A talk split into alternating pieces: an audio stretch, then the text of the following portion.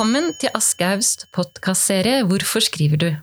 Jeg heter Benedicte Treider, og her ved siden av meg sitter forfatter Toril Brekke. Hei, hei. Velkommen. Takk. Hun debuterte allerede i 1976 og har gitt ut over 30 bøker siden den gang. Forfatterskapet hennes er rikt, allsidig og sterkt. Aller størst anerkjennelse har hun fått for sine historiske romaner. Fortellingen om vår nære historie og om hvordan det moderne Norge ble til, er Toril Brekkes felt. Hun har bl.a. laget store fortellinger av vår industrihistorie og om utvandringen til Amerika.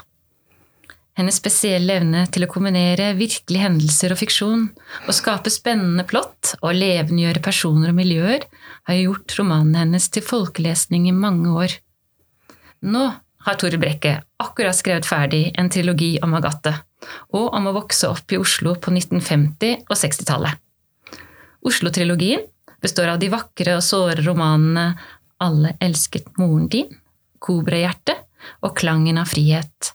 Dette siste bindet kom i vår, midt i den første koronatiden. Trilogiene har fått flere strålende anmeldelser. Blant annet skrev Marta Norheim i NRK om den første boken i serien Alle elsket moren din, Toril Brekke er en forfatter som tar hele livet med lengsel og lidelser, begjær og drømmer, absurditeter og komikk på dypeste alvor. Og Mari Grydeland i Aftenposten skrev om siste bind nå i sommer.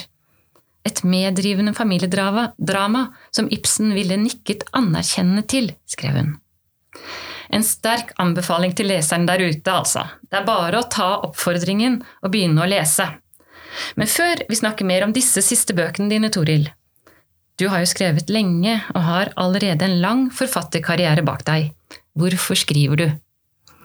Jeg tror det er mange grunner til at jeg skriver, men jeg kan jo begynne med å si at jeg i utgangspunktet er arvelig belastet. At det, det, var ikke noen rar ting hjemme hos meg at noen skulle begynne å skrive, for der var det folk som skrev fra før, liksom. Mens en sønnen til en lastebilsjåfør syns det er veldig naturlig å bli det når han blir stor. Faren min var altså forfatter og het Pål Brekke, og var en veldig kjent person i sin tid.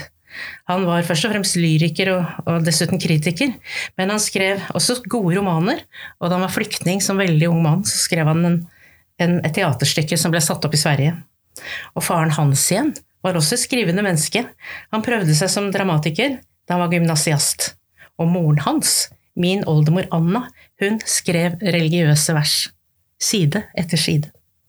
På morssiden ga alle min morfars tre søsken ut bøker. En handlet om trampliv i Australia, en ganske reaksjonær bok sett med våre øyne, med noen nedsettende skildringer av urbefolkningen. En annen bror skrev krim fra sjølivet, og min grandtante ga ut en roman med rot i egne opplevelser under pseudonym, etter at hun som ung kvinne ble gravid og tvunget av foreldrene til å reise langt bort for å få barnet i hemmelighet, og så gi det bort. En skrivende familie, altså. Mm? En skrivende familie. Ja, ja det, det, kan du si. En skrivende familie. Men hun grandtanta mi, da, hun trosset foreldrene og kom hjem med ungen eh, til foreldrenes sjokkerte ansikter, vil jeg tro, eh, og påsto overfor naboene at hun hadde adoptert ham i Tyskland. Eh, og jeg husker en sommer, veldig veldig lenge etterpå selvfølgelig, eh, da jeg bodde alene sammen med morfaren min, og han ble akutt hjertesyk. Mens vi ventet på at sykebilen skulle komme, og han trodde han kom til å dø, så grep han om armen min og sa det er to ting som han måtte få fortalt. Det ene var at denne liksom-fetteren til mamma var en ekte fetter. Ja, ja. Og hva var det andre? Ja, Det andre var at det var sameblod i årene våre. mm, akkurat. Men tilbake til spørsmålet, da. Hvorfor skriver du? Jeg har alltid likt å fortelle. Og så har jeg innbilt meg at jeg har noe å berette. Noe som kunne være viktig eller ha interesse for noen andre. Det har vel betydd at jeg har vært interessert i mennesker og i samfunnet rundt oss, ikke bare i Norge, men i verden. Jeg har vært opptatt av historie. Hvordan ble det slik? Hvordan var utviklingen på de ulike kontinentene? Jeg har vel hele veien tatt stilling for de som har vært utsatt, som har stått nederst på en eller annen rangstige. Jeg kommer fra en slekt med mange sterke kvinner. Min tippoldemor var Ålesunds første jordmor. Hennes mor igjen ble tidlig enke og livnærte seg ved ro varer mellom Kristiansund og Bergen og drive handel. Altså, tenk å sitte og ro hele den veien. Ja. Det er jo helt vanvittig. Ja, Hun har vært råsterk. Og kanskje derfor har jeg aldri skjønt hvorfor kvinner skal tråkkes på. Dessuten elsker jeg å skrive. Jeg elsker å dikte historier og skildre skikkelser som opplever noe som endrer dem, som kanskje styrker dem, eller får dem til å gå til grunne. Ja. Du har jo både skrevet samtidsromaner og historiske romaner. Jeg debuterte med en samtidsroman om en 60 år gammel dame som fikk sparken på en brødfabrikk.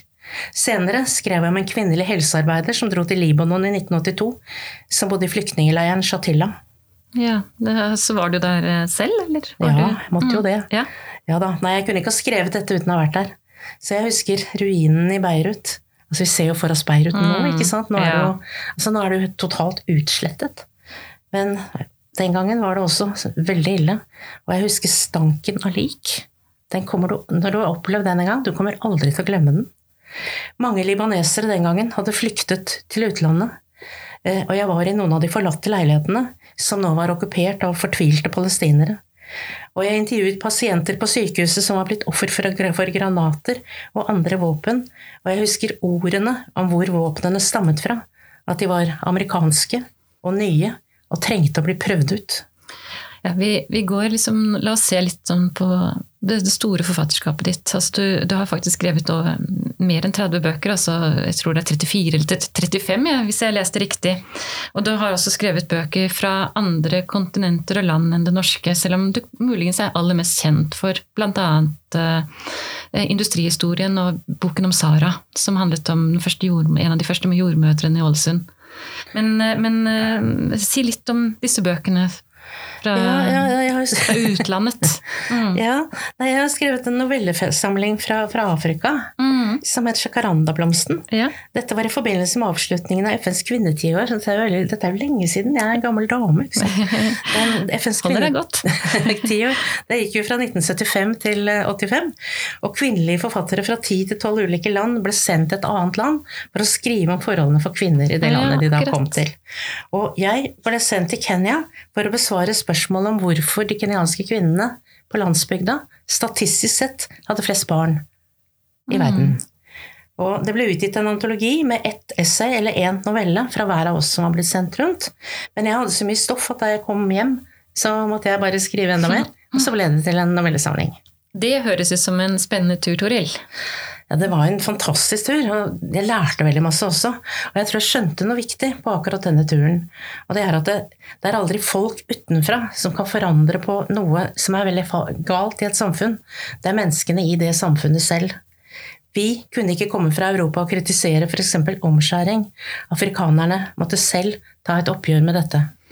Ja, det skjønner jeg. Du har skrevet fra Spania, vet du. Altså, du har skrevet fra flere land, men la oss snakke om Amerika. Ja, den trilogien den kom ut altså mellom 2006 og 2010 og handler om utvandringen fra Norge til Amerika på 1800-tallet. Og den krevde jo masse research. Fantastisk for meg å reise på kryss og tvers av det digre landet i fotsporene til nordmenn som hadde krysset Atlanteren på jakt etter et bedre liv. Ja, Og før dette igjen så var det historiske romaner du skrev. Ja, ja. Jeg skrev om steinhoggerne ved Iddefjorden. Og det er jo med utgangspunkt i oldefaren min, som var steinhogger sjøl, og som, som bodde i det huset som jeg bor i nå, da, Videfjorden. Ja, Og så har jeg skrevet om gruvearbeiderne ved Løkken Verft, som er liksom forløperen til det som ble. Orkla-konsernet etter hvert. Og så har jeg skrevet om Sara, Ålesunds første jordmor. Og så en etterfølgende bok i, eh, om livet til datteren i, i Trondheim. i ja, jeg kjenner mange lesere som elsker boken Sara. Ok, så bra. også. Men nå har du akkurat avsluttet da en ny trilogi om Agathe. Um, og hva drev deg denne gangen? Hva fikk deg til å skrive denne boka, disse tre bøkene? Jeg ville skrive et verk om frihet og makt. Om hvordan menneskeheten ødelegges av noens vilje og ønske om å kontrollere andre. Vi ser det i det nære og bitte lille bildet, og i det store. Akkurat nå har vi sett det i Arbeiderpartiet i Trøndelag. Hvordan noens ønske om makt og dominans har skapt en ukultur av frykt for å si fra. Ikke bare om uønskede seksuelle tilnærmelser, men om overkjøring generelt. Og vi ser det i Black Lives Matter-bevegelsen i USA, 150 år etter at slaveriet ble opphevet. Effekten av slaveriet er fremdeles tydelig i det amerikanske samfunnet. Dette nevner jeg i trilogien min. Ikke navnet på denne bevegelsen, naturligvis, for det var ikke formet da jeg skrev bøkene. Nei, men klart. effekten, ikke sant. De hvites vilje til å holde afroamerikanerne nede. De hvites angst, skriver jeg, om hva som vil skje når etterkommerne av slaver vil hevne seg.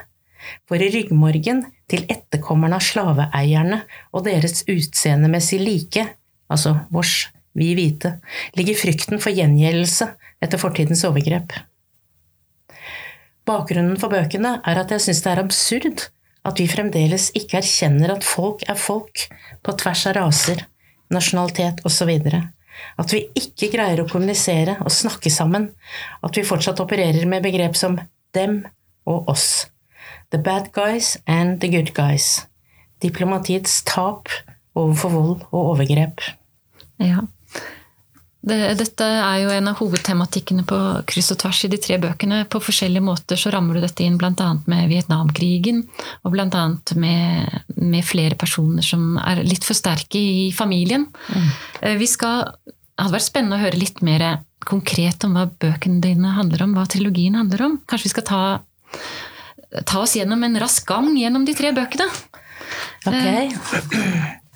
I det første bindet, da, eh, som heter 'Alle elsket moren din', så er det en voldtekt som står sentralt. Altså i forhold til dette jeg ønsker å skrive om, ikke sant. Jeg-personen Agathe og hennes beste venninne Inger de blir kjent av sted av mora til Inger for å finne faren hennes, en fyr som drikker, for å få ham på jobb. De er 13 år gamle da, ja. da dette skjer. Og snart er det jul når dette skjer. Ja, ja, snart er det jul, og familien til Inger trenger penger. Og de som kan hjelpe Inger og Agathe med å finne den drikkfeldige faren, er en gjeng med gubber på en kneipe på Grønland i Oslo. Og jentene blir tatt godt imot. De blir smigret og skjenket. Å, så fine jenter. Hva med en slurk portvin? Hva med litt øl? De havner etter hvert i en kondemnert leiegård, der faren til Inger sover rusen ut, og Inger blir voldtatt. Ja, dette er jo dessverre en velkjent historie som, eh, som, vi har hørt før, men hvilke konsekvenser slike historier kan få. For dette endrer jo hele Ingers liv. Mm. Det er klart dette er noe du bærer med deg resten av livet når du opplever sånne ting. Men altså, dette handler om mannfolks vilje og ønske og tro på at de bare kan ta for seg, slik menn over hele verden behandler kvinner som sin egen eiendom. Ja. Og den andre boka, 'Kobrahjertet', Kobrahjerte, ja. Der går jeg ut i verden og viser effekten av historisk undertrykking. Jeg kunne valgt slaveriet i sørstatene. Jeg kunne ha valgt Vietnamkrigen, slik som min generasjon opplevde den på 1970-tallet, da vi drev og demonstrerte og sto mm. på. Men i stedet for å fokusere på amerikanerne, så velger jeg franskmennene. Og jeg kunne valgt deres undertrykkelse av de nordafrikanske koloniene, som vi ser resultater av i forstedene i Paris fremdeles f.eks., med fattigdom kontra rikdom, rasekrig og opptøyer. Men jeg valgte franskmennenes rolle i Vietnam før USA kom inn i bildet. Eh, tittelen 'Kobrahjerte' er jo ganske spesiell. Hva spiller den tittelen på? Ja, den peker på en bestemt scene i boka. Da. En scene der, eh, med en splittet familie, der noen er servile støttespillere for de franske, mens andre vil kaste de fremmede ut av landet. Det er en onkel som utfordrer en nevø til å spise et bankende kobrahjerte. Et raskt snitt i slangen, og hjertet rives ut, og den unge gutten skal sluke det mens det ennå banker. Klarer han det ikke, er han en pingle, en pyse under foten til de fremmede. Men om han greier det, er han sterk, en av oss. Ja, Denne unge mannen er altså forlovet med Madeleine. Madeleine er Agathes jevnaldrige kusine. Um, og det er Gatte som forteller historien. Ja, Madeleine er jo da fransk, fordi at uh, tanta til Agathe hun flyttet til, eh, til, Frankrike da hun var veldig ung. Mm. og Først som au pair og ble gift der, og fikk denne datteren Madeleine. Og fordi eh, mannen til mannens familie tilhørte da overklassen i Frankrike og hadde business i, i, i, Vietnam, og fortsatte med denne etter at franskmennene ble kastet ut i 1954. Mm. Sånn militært, ikke sant. Og Og så er da hun blitt eh, forlovet med denne, denne vietnameseren. Og eh, jeg prøver å vise at uh, måten han behandler henne på, og han behandler henne altså ikke spesielt vakkert, uh, er preget av historien med nasjonal undertrykking. Jeg, jeg, tenker ofte på når jeg har lest uh, disse tre bøkene dine, at uh, Madeleine, Inger og Agathe er liksom et, uh, de er jevn, tre jevnaldrende kvinner, og det er deres historie som fortelles kanskje aller, aller mest. Mm. Og de har veldig forskjellige forhold til sin, sine foreldre. De kommer litt fra forskjellige klasser. Og de Eh, de har veldig uh, ulikt forhold til seksualitet. Så mm. det er et veldig sånn sterkt kvinneportrett gjennom disse tre unge jentene. Og vi møter dem liksom fra de er barn helt til de blir 18-19 år i deres uh, dannelsesår. De årene mm. som de mm. virkelig skal bli til kvinner. Uh, og de fortsetter vi å høre om i det tredje bindet, som heter 'Klangen av frihet'. Ja, og i 'Klangen av frihet' så kommer da svaret på det spørsmålet som har ligget som en rød tråd fra begynnelsen av det første bindet. Hvem er faren til Agathe? Og hvem er denne mora som oppfører seg så innmari rart? Ja, for det er en splittet familie Agathe kommer fra. Moren vil egentlig ikke ha noe særlig med henne å gjøre i det hele tatt. Det, det går veldig opp og ned, liksom. Mm.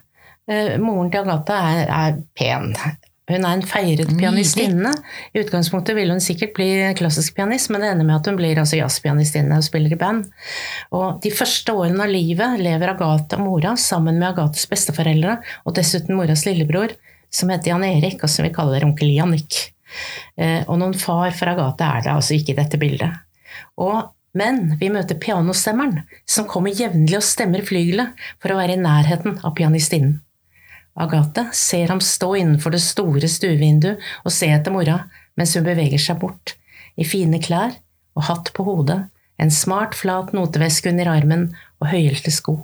Han, pianostemmeren, elsker henne. Ja, og Agathe elsker henne også. Altså, hun elsker det å sitte på fanget til moren. Hun elsker at moren stryker henne over ryggen, hun elsker at hun sier fine ting til henne. Men, Men det er jo ikke så ofte. Plutselig blir mm. mora en annen. Hun ser ikke barnet sitt lenger. Hun sier ingenting. I den virkelige verden. Hun er blitt fjern. Og hun kan skyve ungen ned fra fanget, og hun kan be henne gå. Gå!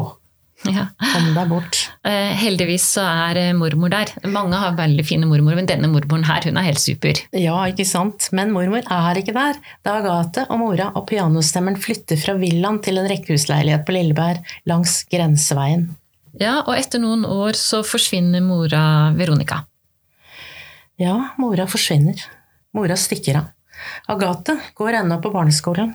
Hun er ennå ikke fylt 14 år da mora stikker av med bassisten Lennart i bandet der hun spiller. Og dette skjer mot slutten av den første boka, og i den andre boka er mora helt fraværende, samtidig som hun selvsagt spiller en stor rolle i livene til den forlatte pianostemmeren og de to barna hennes. Agathe og den seks år yngre Morten. De tre savner henne, men de snakker omtrent aldri om henne. De bare tenker på henne hver for seg. Agathe veksler mellom å klandre mora for svikene hennes og å være engstelig for henne. Mens mora tilsynelatende kunne være barsk og nesten slem og innimellom veldig arrogant, aner Agathe noe tandert og redd innenfor skallet hennes. Gåten mor den løses altså i den tredje boka. Ja, dette er jo noe av uh, utfordringen ved trilogien. Det skjer fryktelig mye, og det er noen hemmeligheter der som vi får vite først helt til slutt. Men la oss høre. Hva er eh, ditt neste prosjekt? Kan du si noe om det? Jeg burde ikke fortsette med dette her nå, da. men, men det er jo dette jeg syns er morsomt. Vi håper på større gehør hele tiden, hver gang. Jeg, jeg klarer jo ikke å la være. Jeg syns jo at det, det, er alltid en eller annen ny historie som sier 'skriv meg'. Og den har jeg jo allerede begynt på, da. Så den handler om offentlig svikt. Det handler om hvorfor det tok meg så lang tid å få plassert en dement mor. Det høres ut som det blir en brannfakkel. Stol på det. Og det gleder vi oss til. Og la det være siste ord. Tusen takk, Toril Brekke. Takk for meg.